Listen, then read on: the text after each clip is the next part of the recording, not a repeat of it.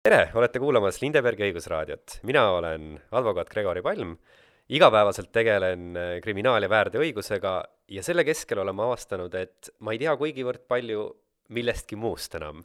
mistõttu otsustasin teha podcasti, kus ma siis äh, kutsun enda juurde inimesi teistest eluvaldkondadest, mõnikord tõsi küll ka samadest eluvaldkondadest, ja vestlen nendega, et harida ennast eelkõige ja loodetavasti ka teid.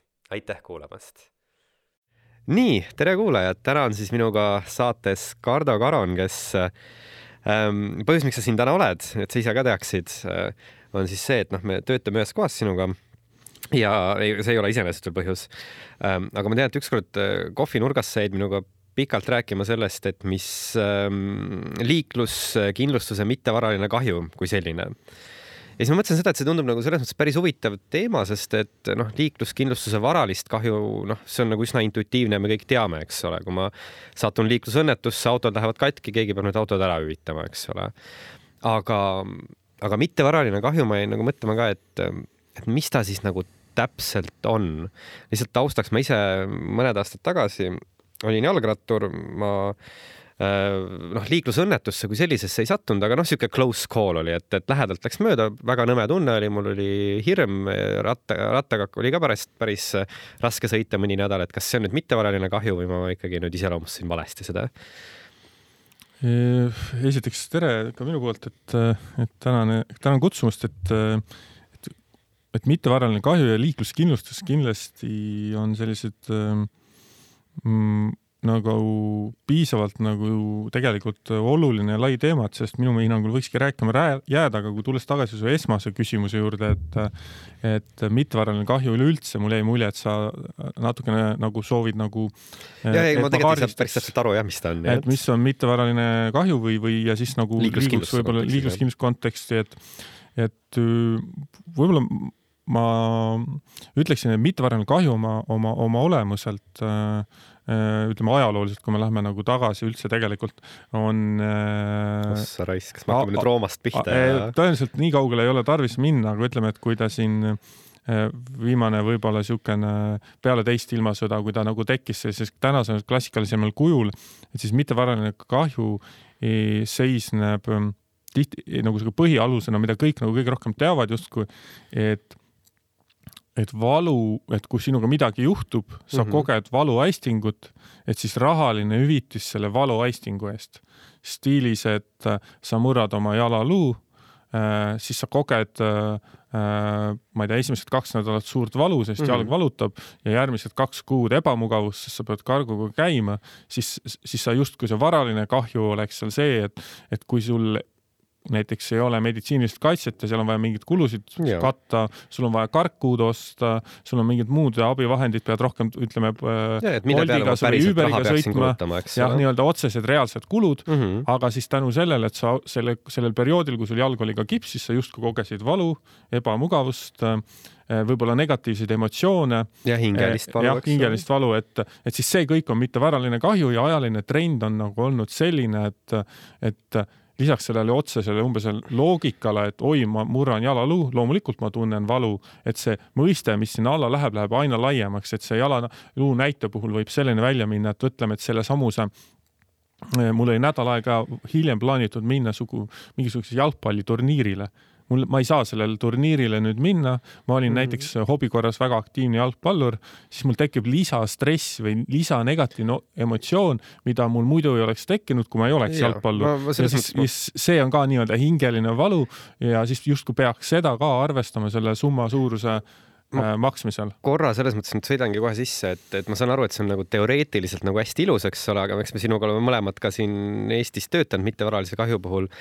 noh, mina ei ole kohanud kaasust, kus keegi sulle selle jalgpallimatšile minekus, see, et sa ei saanud jalgpallimängu vaatama minna, sellest tuleneva hingelise piina hüvitaks või seda nagu sisuliselt teeks, et kas, kas see liikluses on kuidagi teistmoodi, et ma murrangi jalaluu ja mul on nagu lihtsalt ma pigem, pigem ütleksin selle kohta nii, et, et võib-olla üleüldiselt ütleksin veel nii, et see, see loogika, mida, mida ma kirjeldasin, ongi justkui eelkõige teooria, mida tegelikult ikkagi enamikes, vähemalt Euroopa riikides jaotatakse, aga samas selline nagu praktiline taluvuspiir on hästi erinev ja ma ütleksin, et Eesti on täna veel pigem konservatiivne nii selles osas mm., et mille eest äh, mittevarast kahju nagu justkui makstakse, mis tegureid arvestatakse ja mis suurusjärgus need hüvitised on mm. -hmm. aga trend on kindlasti vähem konservatiivsuse suunas ja siia kõrvale võin tuua nagu lihtsalt võib-olla selle üldise nagu näite, kuidas mõttemaailm on sama, aga riigiti praktika on erinev, et näiteks Euroopas kõige öeldakse, öeldakse, et üks kõige leebema mittevaralise kahju definitsiooniga ja kõige kergemini justkui mittevaralist kahju eh, saab näiteks Prantsusmaa õiguse järgi hmm,. ja ma tean okay., et Prantsusmaa õiguse järgi on olemas selline näide, kui, kui väga palju aastaid tagasi, kuskil kaks tuhat kümme, kaks tuhat üksteist, suri üks kuulus laulja Michael Jackson. Ta suri Ameerikas mm -hmm. Prantsusmaaga pole nagu midagi pistmist otseselt. Eh, toona oli ka probleemiks see, et oli mingid süüdistused ja kahtlused tema isikliku arsti suunas, et tema on teinud midagi valesti. ja, ja, ja ma täpselt ei teagi, kuidas need kõik need asjad lõppesid ja see ei olegi täna teema, aga Prantsusmaal nagu paljudes ja tõenäoliselt enam-vähem kõikides maailma riikides oli väga palju Michael Jacksoni fänne ja kui Michael Jackson siis suri ja lekkisid nii-öelda kõlakad või info, et äkki arsti on tal midagi valesti teinud, siis Prantsusmaa fännid pöördusid Prantsusmaa kohtus selle Ameerikas asuva arsti vastu mittevaralise kahju nõudega seoses sellega, et nad on kurvad, depressioonis, sest Michael Jacksonit enam ei ole. ja näiteks Prantsusmaa mm, eh, nii-öelda see mittevaralise kahju definitsioon on niivõrd lai et kohtul oli keeruline asuda seisukohale, et neil ei ole õigust seda nõuda okay,. ja see kõik lõppes muidugi Prantsusmaa kohtus sellega, et, et õnneks enamikes riikides on ka see, et kohtul on hästi suur nagu kaalutlusõigus ja saab kahju vähendada ja mis see mm -hmm. summa on, et siis hüvitist saadi, aga hüvitise suurus oli üks euro iga inimene siis. no see tundub nagu näkku sülitamine juba, aga et ma, noh, vaata minu arust see on umbes sama teema natukene, kui sa kunagi, mina kunagi töötasin ettekandjana ja see oli see, et noh, see oli see tipi andmiskultuur ja minu arvates nagu veel solvavam sellest, kui sulle tippi ei jäeta, on siis, kui sa vaatad ja seal on sees vask või mingi kakskümmend senti või mingi sihuke naeruväärselt väike asi. et väga huvitav lähenemine ja mhm. tegelikult üldse kas see tähendab sisuliselt seda, et kui ma oleks Prantsusmaa kodanik ja ma sinu peale solvuksin, ma võiks ka teoreetiliselt minna Prantsuse kohtusse ütlema, et vaadake, kui õnnetu kahju mul on ja siis mingi hetk sa saad Prantsusmaalt arve, et nüüd maksa Gregorile üks sent või? teoreetiline nii-öelda oht on, on olemas, aga ma tean, et noh, nad on, et Prantsusmaa on üks väheseid riike, kes on pigem nüüd jälle konservatiivsemaks selles mõttes tagasi läinud, et, et nii-öelda selline nagu, et me ei liiguks päris selle trendi suunas, et et äh, igaüks meist on sada protsenti nagu indiviid ja kui mina tunnen, et üks teine indiviid mulle ei meeldi või vaatas mind imelikult või midagi muud sellist, et siis sellele ei saa järgneda vähemalt äh, nii-öelda kohtu jaoks koormav mittevaralise kahju vaidlus või midagi mm -hmm. sellist. aga teoorias oleks see võimalik. aga kui nüüd äh, tulla nagu jällegi teise äärmusesse tagasi, siis kõikides riikides, kaasa arvatud Eestis üldine loogika on, et see mittevaraline kahju, mida sa saad nõuda liiklusõnnetuse tagajärjel, on kitsamini piiritletud kui see üleüldine mittevaraline kahju.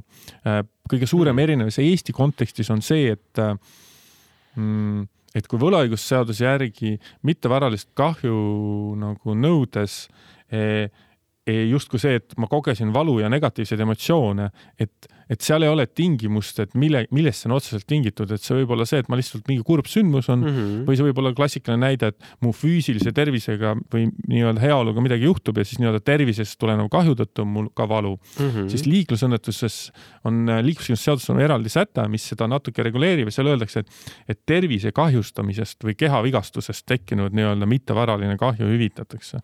ehk siis seal on see lisaeeldus, et, et mul peab, liiklusõnnetuses mul peab olema mingisugune tervisekahju mm -hmm. ja siis mul tekib mittevaralise kahju nagu potentsiaalselt mittevaralise kahju hüvitamise nõue kindlustusandja äh, või siis selle kahju põhjustaja vastu. aga kas ta nagu selles mõttes ei jõua nagu, okei okay,, ma saan aru, grammatiliselt on see kitsendus olemas, aga kas see nagu sisulist tähendust omab, sest noh, tervisekahjustus kui selline on ju ka valu. Äh, noh, selles mõttes sul on nagu keha tavaline talitus on mingil määral segatud, tekib valuaisting mm. ja, ja kas siis põhimõtteliselt ikkagi liiklusõnnetuse tagajärjel noh, igasugune negatiivne emotsioon ei ole ka ju mitte, on, on just põhimõtteliselt tekitatud ju tervisekahjustuse tagajärjel.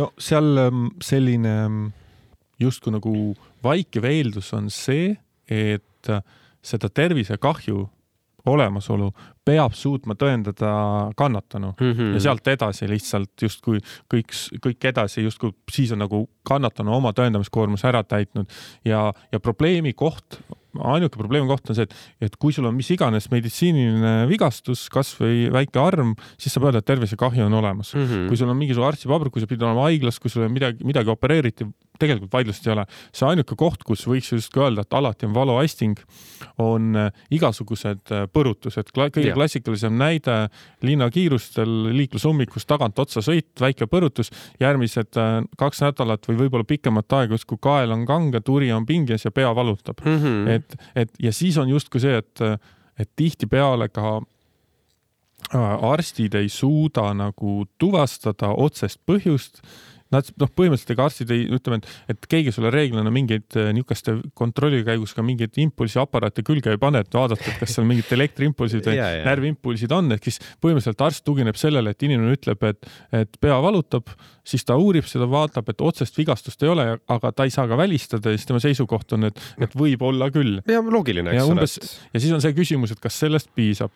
Eesti praktika, ma ütleksin, on pigem mõnevõrra konservatiivsem aga Eestis tavaliselt lahendab, laheneb see olukord sellega ära, et see potentsiaalselt see rahasumma, mida sa mittevaralisena seal nagu saada võid, et me räägime kolmekohalisest numbrist yeah., et äh, tavaliselt ei viitsi see inimene vaielda ja kindlustusandja võib-olla siis maksab ka need mõned sajad eurod justkui ära ja ongi asi lõpetatud, sellepärast et noh, keegi ei näe palju vaeva, kui noh, nii vähe raha on mängus. alternatiiv on see, et tõmbame advokaadid, eks ole, kes hakkavad sealt tunnitasusid juba nõudma kolmekohalisi numbreid ja mm.. aga jah, ja see ei ole ju mõistlik, sellepärast et, sest et kuna see vigastuse võimalik olemasolu ikkagi piirab seda, on otseses seoses kahju suurusega ka mittevaralise puhul mm, -hmm. noh mhm. siis ükstapuha, kui, kui kõvad spetsialistid sinna kaasata, et, et see ei tekita olukorda, et ma nüüd kiirusel kakskümmend viis sõitis mulle keegi tagant otsa, ma natuke, turvavöö mind natuke sikutas, et ma nüüd saan kümme tuhat eurot küsida mittevaralist kahju, sest noh, turvavöö sikutas mind mm. -hmm. et, et teoreetilised variandid jäävad alati, püüa te, nagu tekitada olukorda, et mul tekkis nüüd ärevushäire ja, ja, ja, ja kõik need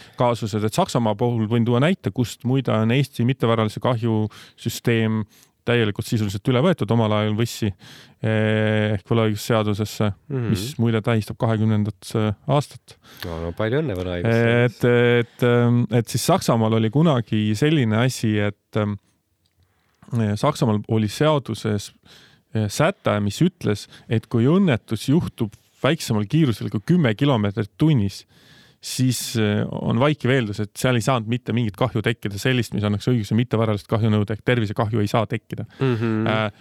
aga, aga siin mingisugune hulk aastaid tagasi nad võtsid selle seadusest välja, sest et maailm on luuku, noh, liikumas selle trendi poole, et kõik on aina nagu vabam ja, ja nii-öelda justkui indiviidi või, või kaasuse põhisem ja siis see tundus nagu põhjendamatu piirang, et aga seal kunagi näiteks Saksamaal oli selline piirang pluss tundub jube raske ära tõendada, et see nüüd oli noh, et nii väikeste kiiruste puhul, et kas see nüüd oli üheksa kilomeetrit tunnis või kaksteist kilomeetrit tunnis ja seda vaidlust pidada, mingit ekspertiisi kaasata on ju võimatu.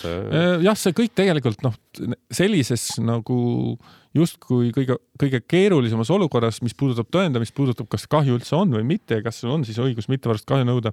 see täna ikkagi lõpuks taandub sellele, et ta ei ole päris elus reeglina eriline probleem, kuna see rahasumma, mille üle vaidlus käib mm, -hmm. on nii marginaalne, et kas inimene loobub või kindlustusandja loobub või leitakse lihtsalt mingisugune kompromiss, sellepärast et äh, keegi ei näe nagu vaeva või et noh, olukord on justkui see, et ma võtan kiirelt kakssada viiskümmend vastu, mitte ei näe siin äh, väga palju vaeva ja saan siis viissada umbes.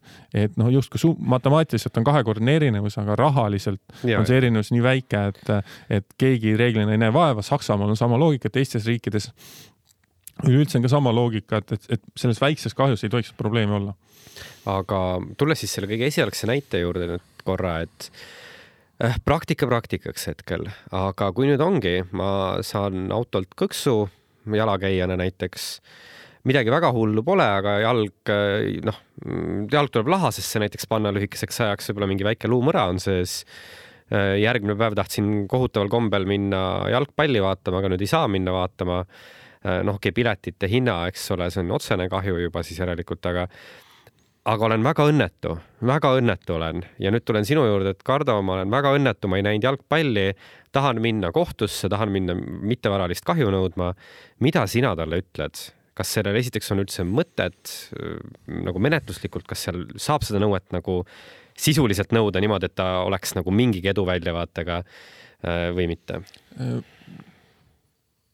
Et kõigepealt väike täpsustus, et liikluskindlustuse kontekstis vähemalt liikluskindlustusandjal endal ei ole kohustus ka neid piletihindasid hüvitada, ehk no, siis no, liikluskindlustuse eesmärgiks, eh, mis, missugust varalist kahju ta nii-öelda no, peab ta, tagama, ei ole, ei ole selline nii-öelda selline kahju, eh, mis ju ikkagi mingis mõttes kahju on, ei ole see, mis on selle liikluskindlustuse eesmärk mm. -hmm. võimaliku kahju kannataja põhjustaja käest, miks mitte. aga selles näite puhul um, ma ütleksin talle, et uh, et ma tõenäoliselt ei, keerutaks, ütleks otse välja, et lootus on null ja, ja et kui sa soovid, ma võin sulle anda, anda oma parimat, sulle selgitada, miks see nii on ja et, et, et selles kaasuses ei ole nagu mm, seda seost selles mõttes olemas, et, et kui ta nüüd justkui, kujutame seda mm, -hmm. teeme sinu näidet natuke ekstreemsemaks no,, et see oli Eesti koondise mäng mingisuguse mm, väga tipp maailma jalgpalli äh, nagu tiimiga. Äh, tegemist ei olnud ka mitte mingi sõprusmänguga, vaid mingi olulise alagrupi mänguga. tegemist oli inimesega, kes on, ma ei tea, tõeline Eesti jalgpallifänn mm. -hmm. talle on see, ma ei tea ekstra kingitud tema juubeliks, mingiks sünnipäevaks ja nüüd lihtsalt ta läheb sinna, et siis sealt annaks selle äh, tõen-, võib-olla konstrueerida küll, et tänu sellele tal justkui nagu nii-öelda see valu suurenes mm -hmm. üleüldises plaanis.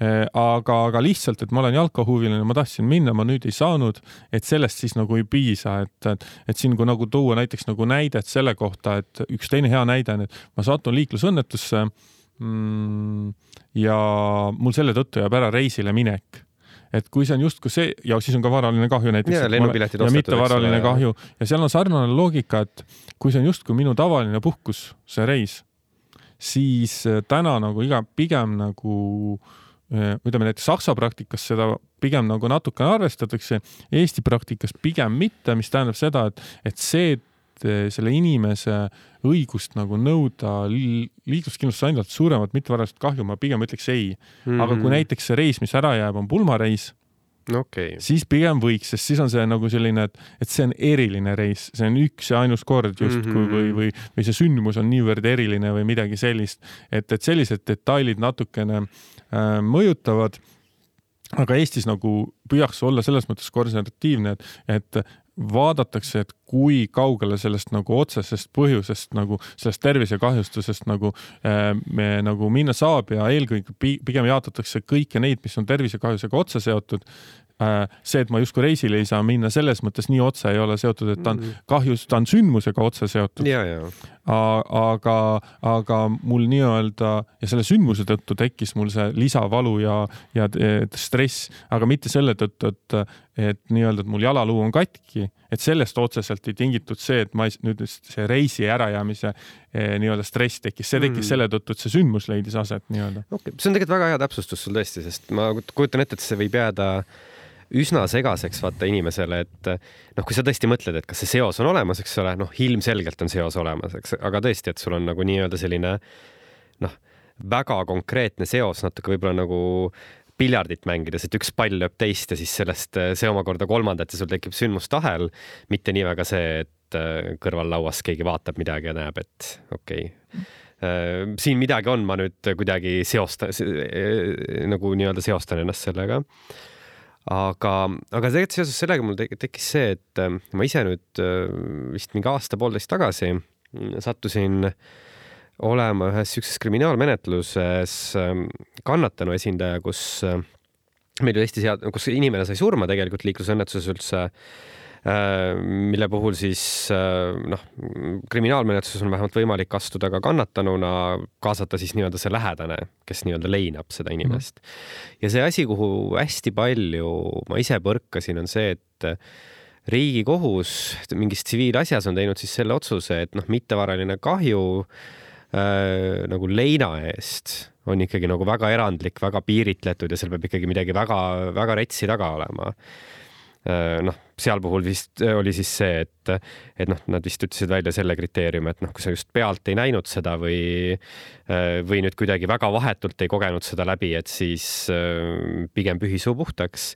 et mis sinu nagu seisukoht selles osas on, et kas see nagu noh, ongi mõistlik, et ta nii on või see võiks ka kuidagimoodi nüüd ajas võib-olla liberaliseeruda või pigem võiks veel konservatiivsemaks minna mm.? Mulle meeldib selles küsimuses äh, isiklikus plaanis äh, nii-öelda Saksamaa lähenemine natukene rohkem kui Eesti lähenemine e,. et, et minul teadaolevalt endiselt Eestis on ka see lähenemine, nii nagu sa ise kirjeldasid e,, mis puudutab üldist mittevaralist kahju nõudmist, et see lähedane eel-, eeldatakse vahetut nagu sündmuste nagu pealtnägemist, et variantid on, et sa oled näiteks samas autos yeah sa jõuad vahetult sündmuskohale ja näed näiteks oma lähedase viimaseid hingetõmbeid. sureb su käte vahel kaasas. umbes, umbes sellised stsenaariumid, et siis ei ole nagu küsimust, aga muul ajal pigem mitte äh, siis mulle meeldib see Saksamaa lähenemine selles mõttes, et Saksamaa lähenemine on selline, et et see seos on natuke viidud kaugemale ja, ja seos selles mõttes kaugemale, et äh, ei pea olema vahetu seos vaid hinnatakse ka tagajärge. mida see siis tähendab, et kujutame ette, et, et äh, üks abikaasadest saab liiklusõnnetuses näiteks surma mm, -hmm. siis politsei tuleb äh, teise abikaasa, nende abikaasade koju, teavitab teist abikaasat sellest sündmusest ja siis ta saab justkui niimoodi sellest sündmusest teada mm, -hmm. et siis mis tagajärjed sellele tema jaoks on, see, et ta võib-olla puh-, puhkab nutma ja tal on väga valus ja kõik need asjad, need, neid loetakse pigem nagu nii-öelda no, no, normaalseks, nii nagu üldse saab öelda mm., normaalseks leinaks, mida me kõik mingil hetkel varem või hiljem oleme kogenud või mm. kogeme, aga on väidetavalt inimesi või on olukordi, kus see tabab äh, meid nii ootamatult või nii äkki või, või, või, või meie siis enda nagu närvisüsteem või, või meie eripärad on sellised, et sellest tekib meie jaoks ka näiteks reaalne meditsiiniliselt tuvastatav või diagnoositav haigus. näiteks langen päris depressiooni, kõige lihtsam näide, tekib ärevushäire, tekib mingi muu häire, kuni selleni välja, et tegelikult kui on võib-olla vanemas eas või, või mis iganes, saab infarkti mm -hmm. ja siis tal mhm. tekib mingi südamehaigus, et siis Saksamaa jaotab, et kui selle, selle sündmuse tagajärjel kui see lähedane sellest teada saades, tal tekib konkreetselt sellest infost, sellest sündmusest tulenevalt mingi iseseisev justkui haigus või tervisemure, siis selle nii-öelda tervisemurega kaasnev nii-öelda see valu ja vaev läheb mm. mittevaralise kahju alla, mida võiks ja saaks nõuda mm. -hmm aga kuidas noh siis Saksamaal, kui sa juhtumisi tead sellele muidugi vastust, alati hea Eesti advokaadilt muidugi küsida, et kuidas Saksamaal asjad käivad. aga kui palju seal õiguses vaadatakse seda inimese vaatevinklist ja kui palju seda vaadatakse keskmiselt mõistliku inimese vaatevinklist. ehk see küsimuse nüanss on see, et ähm, olukord on sama, keegi kaotab oma lähedase, abikaasa näiteks ähm,. mõni inimene kukub kokku, satub, läheb depressiooni, saab ärevushäired, kõik need asjad, eks ole. aga üheksakümmend viis protsenti elanikkonnast juhtumisi kogeb seda läbi nii nagu noh, leinana, see on raske, see on ebameeldiv, aga võib-olla sellele ei tule mingeid ekstravagantseid äh, eri, erilisi kulutusi. et kuidas siis Saksamaa õigusest lähtub, kas ta lähtub nii, kuidas nagu tavainimene sellele nii-öelda peaks reageerima? Ja ma mõistan, kui loll on seda öelda siukse traagilise näite puhul, et kuidas see nüüd mingi normaalne on või lähtutaksegi sellest, et noh, et sinu eripära ongi see, et sa oled väga tundlik inimene, väga hell hing, et me sinule hüvitamegi rohkem kui näiteks noh, mõnele teisele inimesele, kes ka, kelle jaoks oli ka raske, aga ei pidanud psühhiaatri juurde minema näiteks. põhimõtteliselt see taandub sellele, et äh, kas üldse saab siis nagu hüvitist nõuda või mitte, mittevaralist ja see määravaks ei ole nagu mitte see, et äh, ütleme, kui pikalt äh, ini-, personaalne inimene on leinas või et kas keskmine inimene on leinas äh, pool aastat ja, ja mõni inimene saab kahe kuuga üle ja mõnel läheb aasta mm, -hmm. vaid see määrav sellisel juhul on see, et on tal on diagnoositud tervisehäire, mis on otseselt tekitatud sellest mm. teatud äh, info saamisest või sellest sündmusest või sellest nii-öelda teadmisest, et minu lähedast enam ei ole mm. ja kui tal on see nii-öelda äh, diagnoos olemas, siis sealt edasi sõltuvalt komponendist vaadatakse pigem nagu kord nagu keskmise järgi, kord, kord personaalselt stiilis, et, et valu kui selline on niikuinii subjektiivne, seega pigem keskmise järgi käib see loogika või mõte, et noh, tõenäoliselt selles olukorras inimene kogeb valu, punkt. seal mm -hmm. ei hakata personaalselt vaatama, eh, mis puudutab näiteks füüsilist kahju, aga to, samas, kui me toome näite, et, et inimene kaotab ühe oma laba kätest ja meil on siis nagu olukord, kus eh, üks inimene, mm, et et äh, võtame, et meil on kaks ametit, et, et, et üks on eh, taksojuht, kaotab ühe oma käe. ja teine, teine on klaverimängija. teine on klaverimängija ja. see on reaalne praktika, noh, hea näide, aga reaalselt seal ongi erinev mm. -hmm. ühel ongi see, e, põhjendatult eeldatakse, et, et tema ka mittevaraline kahju on suurem, pluss taksojuhil võiks ju eeldada, et arvestades, et äh, inimesed, kes on näiteks alakäest halvatud või mingit muud moodi tänapäeval mingite vahenditega saavad autoga sõita, siis teoorias ma usun, et taksojuht saaks oma ametit jätkata. klaverimängija peab ka ametit vahetama ja kui on näiteks Saksamaa praktikas, mida Eestis nii palju nagu ei jaatata veel, et kui, kui sa nagu õnnetuse tagajärjel pead oma elukutset vahetama või sellest loobuma näiteks mm. -hmm et siis ka see on nagu komponent, mida tuleb arvestada mittevaralise kahju no. tasumisel ja see, seda suurendab seda nii-öelda. okei okay,, see on tõesti väga-väga selles mõttes nagu, nagu inimlik, nii et äh, see siis selleks hmm.. küsime siis hoopis sedapidiselt, et äh, et me nüüd hetkel oleme nagu ja nüüd Saksa praktikasse rääkida, tuleme siis korra Eesti juurde tagasi selle poole pealt, et äh, kui ma nüüd, äh, siin on väga suur vahe sees, eks ole, kas ma tahan minna kindlustusandja vastu või ma tahan minna nüüd konkreetselt nii-öelda kahju põhjustaja vastu. et ähm, ma, see kohe alguses ütlesid nagu seda, et ähm, kui ma lähen nagu kahju põhjustaja vastu, siis ma võin põhimõtteliselt nõuda nagu noh, mida iganes, eks ole, enamus asjad sobivad, aga kindlustusandja vastu on nagu väga suured piirangud peal praktikas minu kogemuses ju enamasti tahetaksegi minna kindlustusandja vastu, sest seal on see, kus see raha liigub, sageli see põhjustajalt ei pruugi nii palju saada. et äh, käi siis korra üle, mis need piirangud siis täpselt nüüd on, et äh, mul sellest eelmisest korrast jäi natukene veel selgusetuks endale, et, et mis, mis see erisus nagu nende puhul nii täpselt on? ma võib-olla täpsustaks esmalt seda, et et kohustuslik liikluskindlustus kui selline ongi ju loodud ju põhimõtteliselt ühe peamise eesmärgiga, see on see, et kahju kannataja saaks oma kahjud alati võimalikult kiirelt ja sujuvalt hüvitatud ja seda siis teebki nii-öelda kahju põhjustaja eest liikluskindlustuse andja mm. -hmm. kui me nüüd läheme nüüd nagu erinevuste juurde, siis sisuliselt see kahju kannataja tema võib nõuda eh, kõiki hüvitisi, kaasa arvatud mittevaralist kahju nii otse sellelt eh, kahju põhjustajalt ehk sõidukijuhilt kui ka liikluskindlustusandjalt. alati lihtsam on seda nõuda liikluskindlustusandjalt sel samal põhjusel, mis oma küsimuseski välja tõid, et et seal eelduslikult eh, saab selle raha nii-öelda kergemini kätte ja seal eelduslikult on see raha alati ka olemas mm. -hmm. mis seal nüüd vaheteod on või mis need erinevused on, et et esi, esimene üks oluline erinevus on see, et, et et see inimeste ring, kes natukene, kes võib seda kahju nõuda, mittevaralist kahju, on natukene erinev. et liikluskindlustusandja käest võib nõuda mittevaralist kahju, kahju kannataja sõidukis olnud juht ja kõik äh, nii-öelda kaasreisijad. samuti võib nõuda kahju põhjustaja ehk vastutaja sõidukis olnud kaasreisijad mm -hmm. ja kui sellesse liiklusõnnetusse on kaasatud ka jalakäija, jalgrattur või mõni muu liikleja, äh, siis ka temal on see õigus aga näiteks ei jaotata üldiselt seda, et, et sellel kolmandal isikul, näiteks lähedasel, kes ei ole seal sündmuskohal, ei ole kuidagi kahju kannataja, kellel tekib see justkui mittevaraline kahju selle tõttu, et et lähedane hukkub mm, -hmm. et siis tema puhul ei ole see nagu nii selgelt nagu paigas ja võiks öelda, et temal on igal juhul nõue kahju põhjustaja vastu, aga ei pruugi olla liikluskindlustusandja vastu.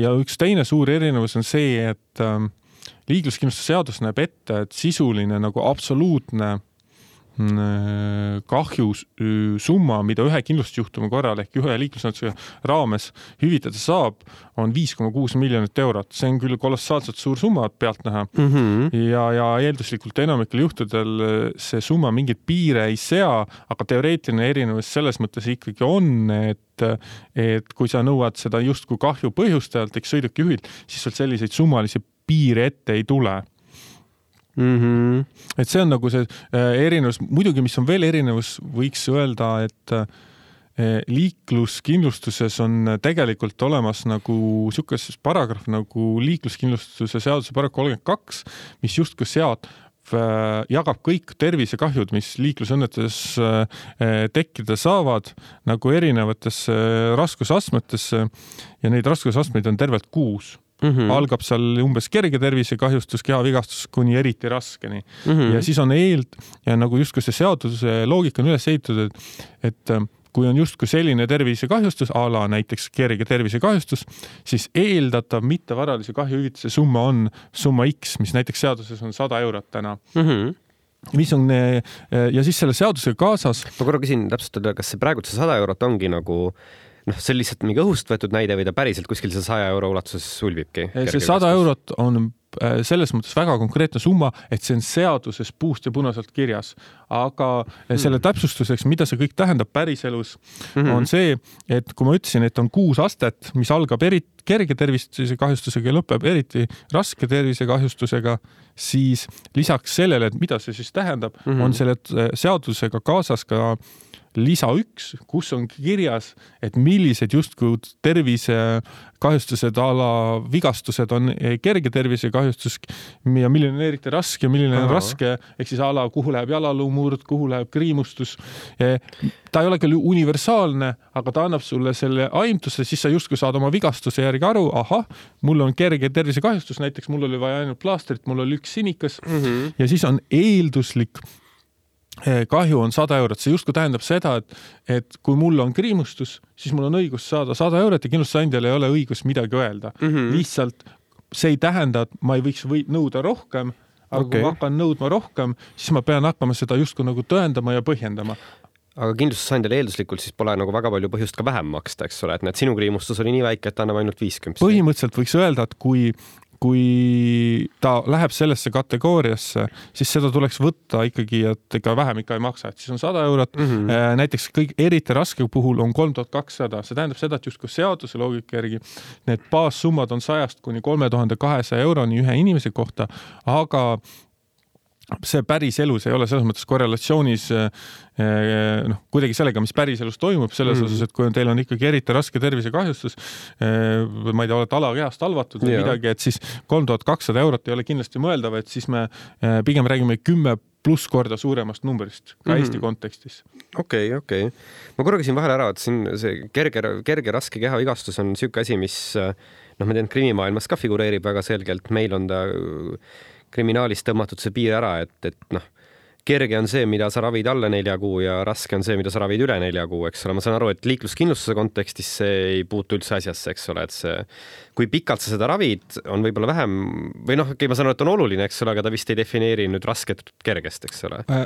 tal on see kaal olemas, et kui me võtame mittevaralise kahju komponente, et a la kaua ma pidin valu tundma, kaua ma pidin ebamugavust tundma, et mm, -hmm. et, et seal nagu tal mingi tähtsus võiks justkui ajalisel piiril olla, ega see, et kas ta on raske või kerge, aga ütleme, liikluskindlustuse nii-öelda nii-öelda eelduslik ja mittevaraliste hüvitiste puhul on konkreetselt kuus kategooriat, mis on kerge, keskmine keskmise raskusega kerge tervisekahju, keskmise raskusega raske tervisekahju mm., raske tervisekahju, väga raske ja eriti raske. noh, see on lihtsalt nagu niisugune filoloogide eripära, et, et Eesti, Eesti filoloogide väljamõeldis.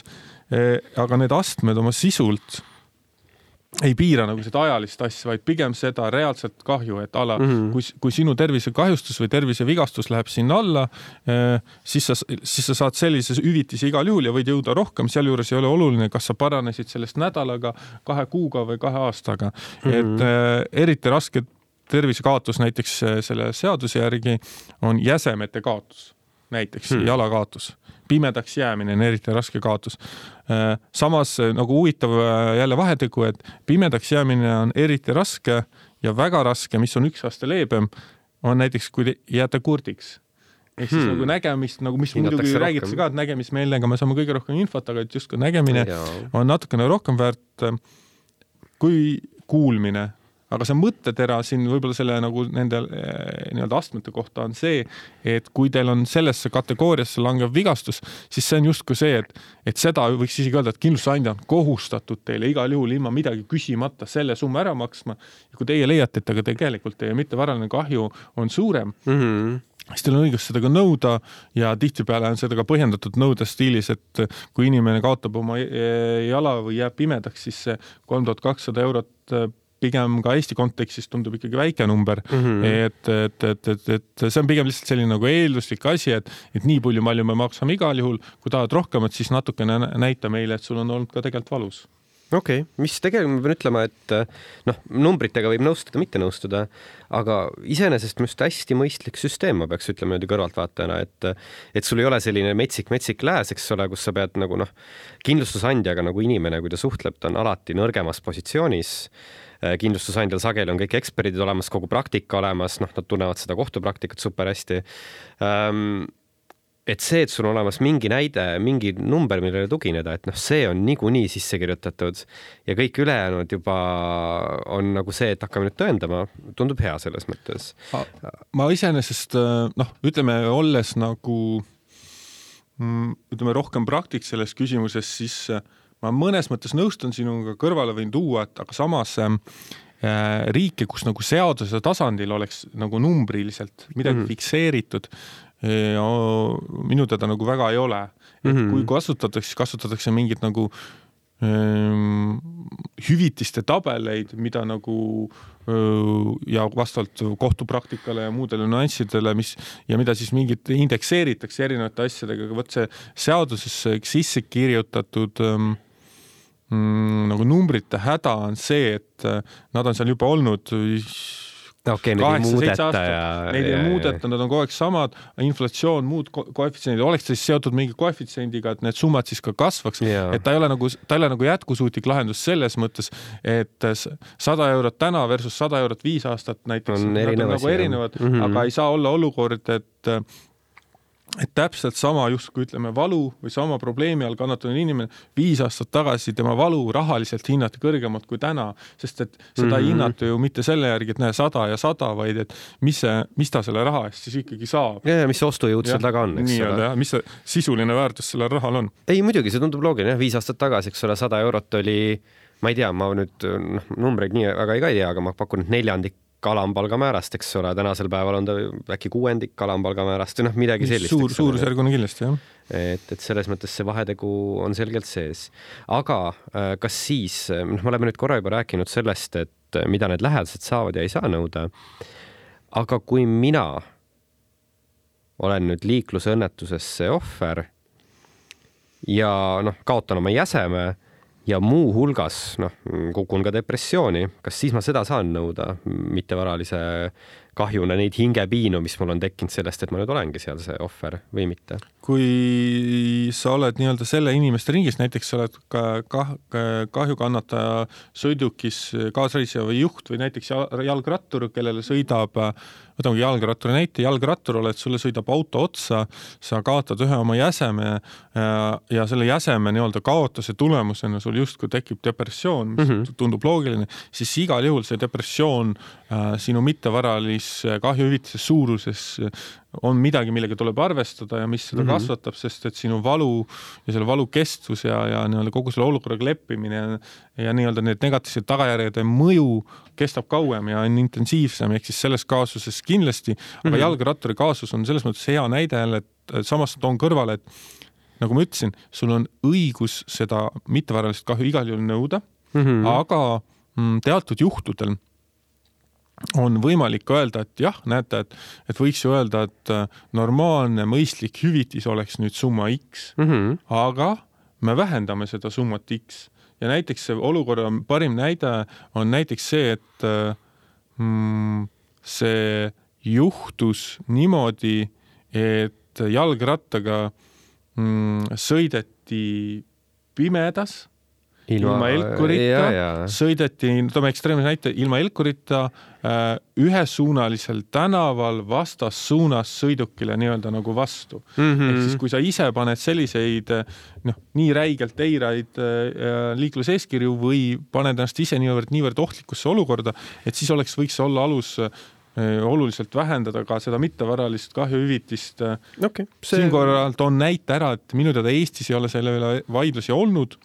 aga Saksamaal on olnud, et äh, jalgratturi näite puhul, et aga mm kui mhm. ma kiivrit ei kanna, mm. -hmm. ja loogika on olnud selline, et, et senikaua, kui seadus, kus seaduses ei ole kirjas, et pead kiivrit kandma mm, -hmm. siis kiivri mittekandmine seda hüvitist või, või, või kuidagi mõjutada ei saa mm. -hmm. ühe erandiga on Saksamaa kohus on jälle lahendanud seda asja nii, mis minu meelest peaks kohti kehtima ka Eestis, et kui mm, Saksamaa kohtupraktika kindlasti Eestis ei kehti, aga selles mõttes see loogika okay,, et see võiks Eestis üle Eesti, Eesti, Eesti kohus võiks sarnaselt nagu lähtuda ja Eesti kindlustusandja, et äh, et kui meil ei ole ka kiivri kandmise kohustust, kui sa täisealine jalgrattaga sõidad mm, -hmm. et kui sa seda kiivrit ei kanna, et siis see kuidagi sinu mittevaralist kahjuhüvitist ei, ei mõjuta, välja arvatud olukorras, kus sa oled kas profirattur või väga sarnane nii-öelda, kui sa oled nagu selline oh. amatöörsportlane, kes kogu aeg sõidab jalgrattaga, ehk siis loetakse, et sinu nii-öelda see teadlikkus ohutusest võiks olla nii palju kõrgem, et siis hmm. sinul võiks see kiiver olla aga kas see tähendaks seda, et vaata Eestis on ka ju olemas jalgrattakoolid,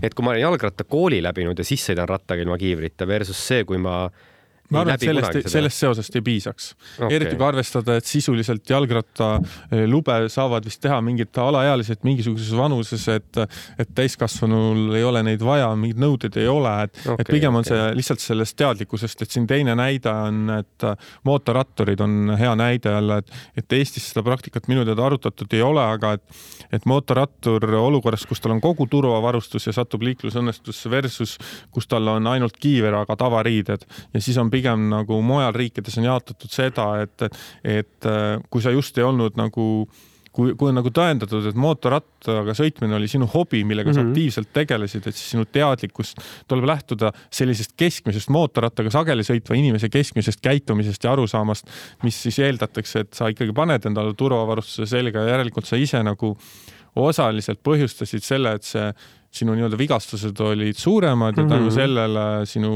vaimne valu oli ka suurem nii-öelda või kannatused. okei okay,, okei okay., no see tundub selles mõttes igati loogiline küll, nii et ma veel küsin selle ka otsa ära, et vaata nüüd on sellega, me alguses puudutasime seda teemat ka korraks see tõendamise küsimus. ma nüüd lähen, eks ole, saan liiklusõnnetuses kannatada lähen veel psühholoogi, psühhiaatri juurde, kes äh, siis noh, lähengi tema juurde, räägin talle, et ma olen väga kurb ja ja ei saa magada korralikult või mis iganes ma seal ära räägin. noh, ega see psühholoog, psühhiaater, mis ta ikka teeb, ütleb, et nojah eks see seos on ju olemas, eks ole, järelikult on tõesti, võib-olla sul on mingi stressi peavalutus sellest, aga ka mina ei tea, äkki on millestki muust ka kirjutabki selle klassikalise lause, et näed, patsient väidab, et tal on tekkinud liiklusõnnetuse tagajärjel ärevushäired, kinnitan, et äh, ei saa ümber ka lükata. kas see tõend nagu võiks Eestis siis lennata või, või, või mida seal on nagu vaja, et siis see seos ära teha, et nüüd ongi mul see vaimset et äh, ma arvan, et selles mittevaralises kahjus on hästi oluline komponent on nagu eluline usutavus mm. -hmm. et, et sinu selles nii-öelda vaimse hädas või depressioonis ja psühholoogi juures käimisel, et, et see on veel selles mõttes nagu suhteliselt hea olukord, et, et kui ikkagi juba mingisugune tõend sealt psühholoogiatki tuleb, et näete, ta siin käib ja, ja peab veel paar korda käima ja mm -hmm. annab mingigi hinnangu, siis tegelikult see võiks olla juba päris nagu tõend, et noh, inimene vajabki ja need ongi tagajärg.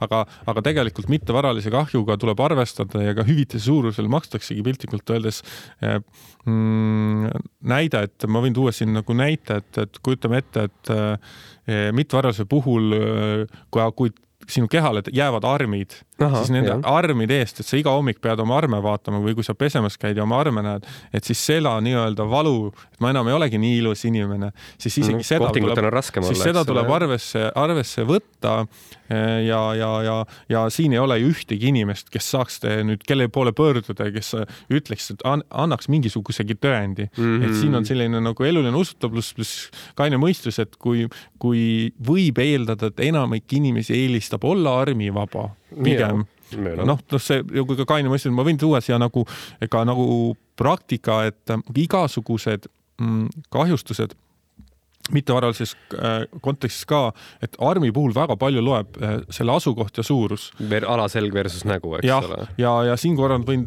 võin tuua ka näite järjekordselt, küll me oleme täna päris palju rääkinud, aga lihtsalt tuleb tõdeda, et mittevaraline kahju nii liikluskindlustuses kui Eesti üleüldiselt on Eestis tegelikult pigem nagu kohtupraktika mõttes ei ole nii, et kõik teemad on läbi käidud, et toon ühe Saksa näite, kuidas trendid on muutunud mm. -hmm. et kui tänapäeval võib eeldada, et, et näiteks kui niisugune nooremapoolne inimene, seitseteist, kaheksateist, niisugune täiskasvanu ikka jõudev inimene, näiteks noor naisterahvas satub liiklusõnnetusse, selle tulemusena selle kõik lõpeb sellega, et tal on põse peal pikk arm, siis see arm võib olla, et vaatad kõige kallim komponent selle mittevaralise kahjuhüvitise suurusel ja see võib olla mitusada tuhat eurot mm, -hmm. kuna nii-öelda see tänapäeval see väljanägemine niivõrd oluline ja kui nüüd ja täna ei ole mõeldavgi, et kohus ei arvestaks sellega mm. -hmm. aga kui me toome see kõrvale, et ma tean, et äh, umbes üheksakümnendate alguses tegi Saksamaal kõige kõrgem kohus lahendi, kus ta ütles ähm, tol hetkel toona liiklusõnnetuses oli üks äh, neljakümnendate alguse naisterahvas, kellel tekkis näkku armid. ma natuke kardan juba, kuhu see läheb äh,. natuke äh, nä, nägu oli armiline äh,. Ta oli selleks hetkeks abielus, tal oli kaks last ja, ja siis kohus reaalselt kirjutas, et arvestades äh, seda, et ta on juba perekonna loonud, tal on juba abikaasa olemas, ta on niikuinii juba vananenud, siis esteetiline välimus ei ole enam nii oluline või et piltlikult öeldes ta ei pea olema enam turul. ja, ja muidugi, muidugi. et, ta ei pea enam särama ja, ja, ja, ja selle tõttu ei ole see eh, nii-öelda see näos olevad armid eh, ei saa põhjustada temale nii suurt tagajärge või negatiivset tagajärge nagu mõnele teisele. tänane noh, kindlasti selline lahendus ei ole mõeldavgi, aga see näitab selle mittevaralise kahju nagu, nagu kaasajastumist väga ilmekalt. jah, ei seda küll, selles mõttes on nagu hästi huvitav, vaata kohati Eestis ma tunnen, et me oleme võib-olla natuke nagu kurvas kohas sellega, et meie kohtupraktika on noor tänu meie riigi noorusele. Ja ma tean Saksa praktikast ka, minu arust, kui ma ei eksi, see vist ühe õigusteadlase lemmiknäide alati, et noh, krimi kontekstis, kus äh, kunagi Saksa kõige kõrgem kohus luges üldtuntuks asjaolu, et naised, kes kannavad meiki, ongi lõtvad elukommetega ja siis mingisuguse karistusõigusliku järelduse sealt tegi enam-vähem. ja tegelikult ma ei tea, kas nad tänasel päeval, ma arvan, et nad on ikka loodetavasti selle hinnangu nagu ümber muutnud, aga, aga mõnikord on väga vahva lugeda neid vaata vanu lahendeid ja noh, tegelikult ju aeg-ajalt käib internetist ka läbi selle, need mingid imelikud seadused, mis tehniliselt on veel jõus ja kunagi ammu tehtud, et sa võid mingi šotlase Inglismaal kuskil kohapeal üles puua, kui sa näed teda vibuga tulemas ja noh, mingid seda tüüpi asjad, et selles suhtes on nagu kahju, et meil kohati nii noor riik on, et neid näiteid on vähem. aga äh, ma korra küsin veel lõpet-, lõpetuseks selle ka ära, et kas on midagi, mida sa nüüd oleks tahtnud, et ma oleks küsinud, mida ma ei küsinud, ei osanud küsida ma arvan, et võib-olla võiks hetkeks peatuda ka, et me oleme nüüd, rääkisime paari sõnaga, et mis see nagu seadus ette näeb, justkui need nagu baassummad, aga mis on nagu tegelikult äh, nagu Eesti nagu nii-öelda siuksed keskmised või maksimaalsed äh, mittevaralise kahju hüvitised, mis no, nagu, nagu siin Eestis on, et, et, et, et õnneks võib kindlasti muidugi öelda, et valdav enamus jäävad kas noh, nii-öelda see kui me räägime, et selle mittevaralise kahjuhüvitise aluseks on tervisekahjustus mm, -hmm. siis enamikel juhtudel äh, nii-öelda see tervisekahjustus ise õnneks on pigem tagasihoidlik ja tänu sellele ka need hüvitised äh, jäävad seal mõnesajast eurost seal võib-olla viie tuhande euro piiri. kas ma korra küsin üle, kas nad enamus äh, vist lähevad kompromissile, eks ole, kohtuväliselt ma eeldan, et tänasel päeval ma usun, et kindlustusandjaga on suhteliselt nagu suur väljavaade, et kui temaga nagu asuda läbirääkimistesse, et on võimalik enne, enne kohtusse pöördumist juba see kompromiss mm -hmm. ära teha ja, ja ikkagi suuremale summale, kui see nii-öelda seadusest tulenev baassumma mm. -hmm. ma arvan, et enamik hüvitisi jäävad sinna äh, äh, levinuma ikkagi alla nagu viie tuhande euro mm. -hmm. ja, ja siis saab öelda, et äh, need sisulised hüvitised, kus inimesel on tõesti mingisugune selline kahju, ehm, mis on talle nagu tervisekahjustusena nagu elu lõpuni jäädav mm -hmm. ja siis mhm. see mõjutab tema nii-öelda sellist vaimset poolt ka, et, et siis me räägime summadest ähm, kakskümmend kuni viiskümmend tuhat eurot ja, ja, ja, ja me tõenäoliselt leiaksime Eestist mõne näite, kus äh, aga siin me räägime nagu võib-olla ühe käe sõrmedel, kus on makstud ka summat, mis, mis ei ole nagu sajast tuhandest liiga kaugel mm. -hmm. aga need on tõenäoliselt need näited, kus äh, inimene, see nii-öelda füüsiline tervisekahju on nii suur, et, et, et head ela, head elama jäi ja, ja nii-öelda tervis ei taastu kunagi, et, et nüüd mm. elu lõpuni ratastoolis ja veel mingid muud äh, traumad, aga, aga ma arvan, et selline keskmine suur hüvitis jääb täna Eestis kuskil sinna kahekümne viie, kolmekümne tuhande euro kanti sellisel juhul, kui see on liiklusõnnetuses tagajärjel tekkinud tervisekahjustus, millega kaasnes siis see mittevaraline kahju ja siis selle mittevaralise kahju suurus, niisugune nagu ülemine piir okay.. ja kõik, mis on üle selle, nõuab pigem äh, veelgi raskemaid tagajärgi kui keskmiselt niisugune nagu juba raske kahju, et siis peab olema midagi jäädavat, kuid mm. välistatud ei ole nagu siuksed äh, noh, viiekümne, kuuekümne tuhandesed, aga see eeldab midagi halvas mõttes väga erilist. okei okay., ja ma saan aru, et viie miljonini, mis seaduse ülempiir ette näeb, sinna on ikkagi väga kauge tee minna, jah? Äh, et selles mõttes ma, siin võib jälle näitena tuua, et, et ähm, ma võin öelda, et e-, Lätis ja Leedus on mittevaralise kahjuhüvitised liikluskindlustuses nagu praktikana veelgi madalamad. Nad ei ole ka väga kõrged näiteks Skandinaavia maades, mis muidu on justkui jõukad riigid mm. -hmm. Šveitsis on nad üsna tagasihoidlikud Äh, väga helded maksjad pigem on olnud Suurbritannia, Prantsusmaa, Hispaania, mhm. Kreeka. USA vist ka elus. Äh, USA ka, aga noh, USA-s on, on, ma toon, võin tuua lihtsalt ühe näite, et USA-s on see, miks need summad tihtipeale ka hästi suured on, et ka mittevaralise kahjuhüvitise suurus võib öö, otsustada nii-öelda see tavalistest kodanikest kokku kutsutud mm. inimeste ring, kes seal siis yeah, ütlevad meie filmi, filmiklassiku nad süüdi või mitte süüdi, et, et nemad võivad ka seda hüvitist määrata ja ma võin tuua nagu näite, mis näitab sellest, et see teooria on või see lahendus ei ole alati kõige parem, et, et kõige suuremad hüvitised lihtsalt USA-s on mõistetud äh, lennuõnnetuste puhul, nagu ütleme, kui me räägime sellistest klassikalistest nagu õnnetustest mm -hmm. ja siis on olemas kaasus, kus ähm, me lennuõnnetuses ütleme, said noh, enamik inimesi said surma, arusaadavalt kõik kahjuks. ja siis üks inimene, nii-öelda see lähedane läks nõudma seal mingit hüvitist, sest tema lähedane sai lennus surma. Ja et see, see isik elas näiteks osariigis A ja teine oli osariigis B. Ja siis täpselt sama lennuõnnetus mindi osariigis A kohtusse, mingi osariigis B kohtusse ja näide olemas, kus osariigis A see lähedane sai mittevaralist kahjuhüvitist miljon dollarit ja osariigis B null kaasus oli täpselt sama, inimesed said surma ja asjaolud olid täpselt samad. aga seal seda probleemi ei tekkinud, et sa lihtsalt ühe asjaga läksid kahte kohtusse ja...? lihtsalt erinevad inimesed selles mõttes no., et, et sina si, si lähed, sa pead minema sellesse kohtusse, kus yeah. nüüd Ameerika järgi, kus inimene elas, enne kui ta lennujaamas surma sai, nad elasid erinevates osariikides, siis see lähedane ja need olid erinevad inimesed, need ei olnud üldse kokkupuutuvad inimesed, aga kaasused okay. lihtsalt yeah. olid nagu selles mõttes sarnased või noh, põhimõtteliselt sama õnnetus ja, ja okei okay,, seal võivad mingid nüansid ju teoorias olla erinevad, kuidas inimesed reageerivad, aga et miljon ja null, noh ja, tekitab küsimusi et ühesõnaga siis tänase saate võib-olla selline lõpumõttetera on siis see, et äh, vaata, kui hea, et meil vandekohtusüsteemi ei ole, eks ole. ma arvan, et no mingis, mingis, mingis mõttes kindlasti vähemalt sellist, sellistes asjades või vähemalt neil ei tohiks olla nagu nagu kaalutlusõigust nagu selliste asjade Äh, üle. et äh, aga no Eesti kontekstis võib-olla niisugune nagu kokkuvõttev mõte pigem on see, et et iga inimene peaks nagu teadma, et äh, kui ta satub liiklusõnnetusse, ta on seal nii-öelda kannataja rollis, kannataja rollis oled sa siis ka, kui sa oled selle sõiduki kaasreisija, kes õnnetuse põhjustas mm -hmm. ja sul tekib tervisekahjustus, tervisekahjustus on ka see, kui sul tekib kriim või ninaverejooks piltlikult öeldes või sinikas, et siis kui, kui mingigi tervisekahjustus tekib, siis sul on automaatselt õigus saada liikluskindlustuse andjalt ka mittevaralist kahju ehk moraalset kahju mm, -hmm. lihtsalt küsimus on selle suuruses okei okay., ma arvan, et see on väga ilus, ilus mõttetera, palju parem mõttetera kui see, et vaata kui hea, et meil vandekohtusüsteemi pole. aga aitäh sulle, Kardo, aitäh, et tulid. aitäh. ja te kuulasite Lindebergi õigusraadiot. mina olin Gregori Palm